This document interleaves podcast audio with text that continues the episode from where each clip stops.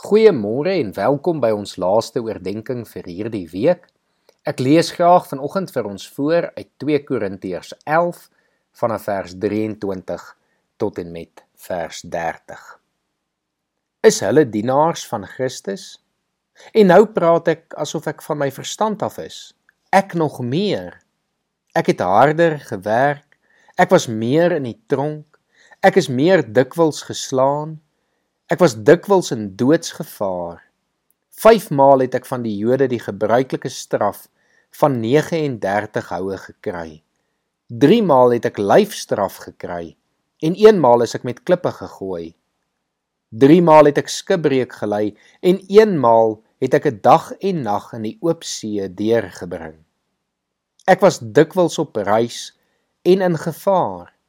Daar was gevare van riviere gevare van rowers, gevare van my volksgenote en gevare van heidene, gevare in die stad en gevare in die veld, gevare op die see en gevare onder valsbroers. Daar was vir my harde werk en swaar kry, dikwels nagte sonder slaap, dikwels honger en dors, en dikwels was ek sonder kos, sonder skuiling of bedekking teen die koue. Behalwe dit alles, was daar nog die daaglikse bekommernisse, die besorgdheid oor al die gemeentes. As iemand swak is, voel ek asof ek self ook swak is. As iemand in die sonde val, voel ek asof ek ook deur die vuur gaan. As daar dan geroem moet word, sal ek roem, maar dan oor my swakhede. Die God en Vader van die Here Jesus weet dat ek nie lieg nie aan hom kom die lof toe tot in ewigheid. Paulus kon maklik eers besluit het genoeg is darm nou genoeg. Dalk nadat hy die derde keer geslaan was of dat hy vir die hoeveelste keer in die tronk opgeëindig het. Maar nee. Paulus het volhard om die evangelie so ver as moontlik te gaan verkondig, om sy werk voort te sit en die Here te dien in al sy doen en late. So behoort ek en jy ook elke dag aan te hou, te volhard ten spyte van alles wat rondom ons dalk skeefloop.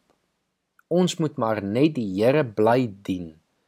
Rustig voortgaan met ons werk en vertrou dat die Here ons sal gebruik wat al reeds vir ons alles gegee het wat ons nodig het om hom dan te vertrou om vir ons ook te lei en te wys waar en hoe hy ons wil gebruik.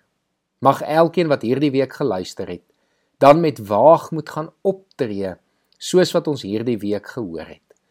Waagmoed soos die van Dawid en Moses en Joshua en Caleb en Stefanus en Paulus. Mag ons in hulle voorbeeld volg en wag mag ons dan met waagmoed die evangelie aan hierdie wêreld elke dag gaan oordra. Kom ons bid saam. Here, dankie vir die verhale wat ons hierdie week weer van bewus kon word van mense wat bereid was om met waagmoed vir U op te tree, Here, ten spyte van die gevare en die swaar kry wat dit teweeggebring het, Here. Dankie dat U hulle gebruik het en deur hulle die evangelie aan hierdie wêreld oopgemaak het. Here, gebruik ons ook vandag op hierdie selfde wyse. Ons bid dit in Jesus se naam. Amen.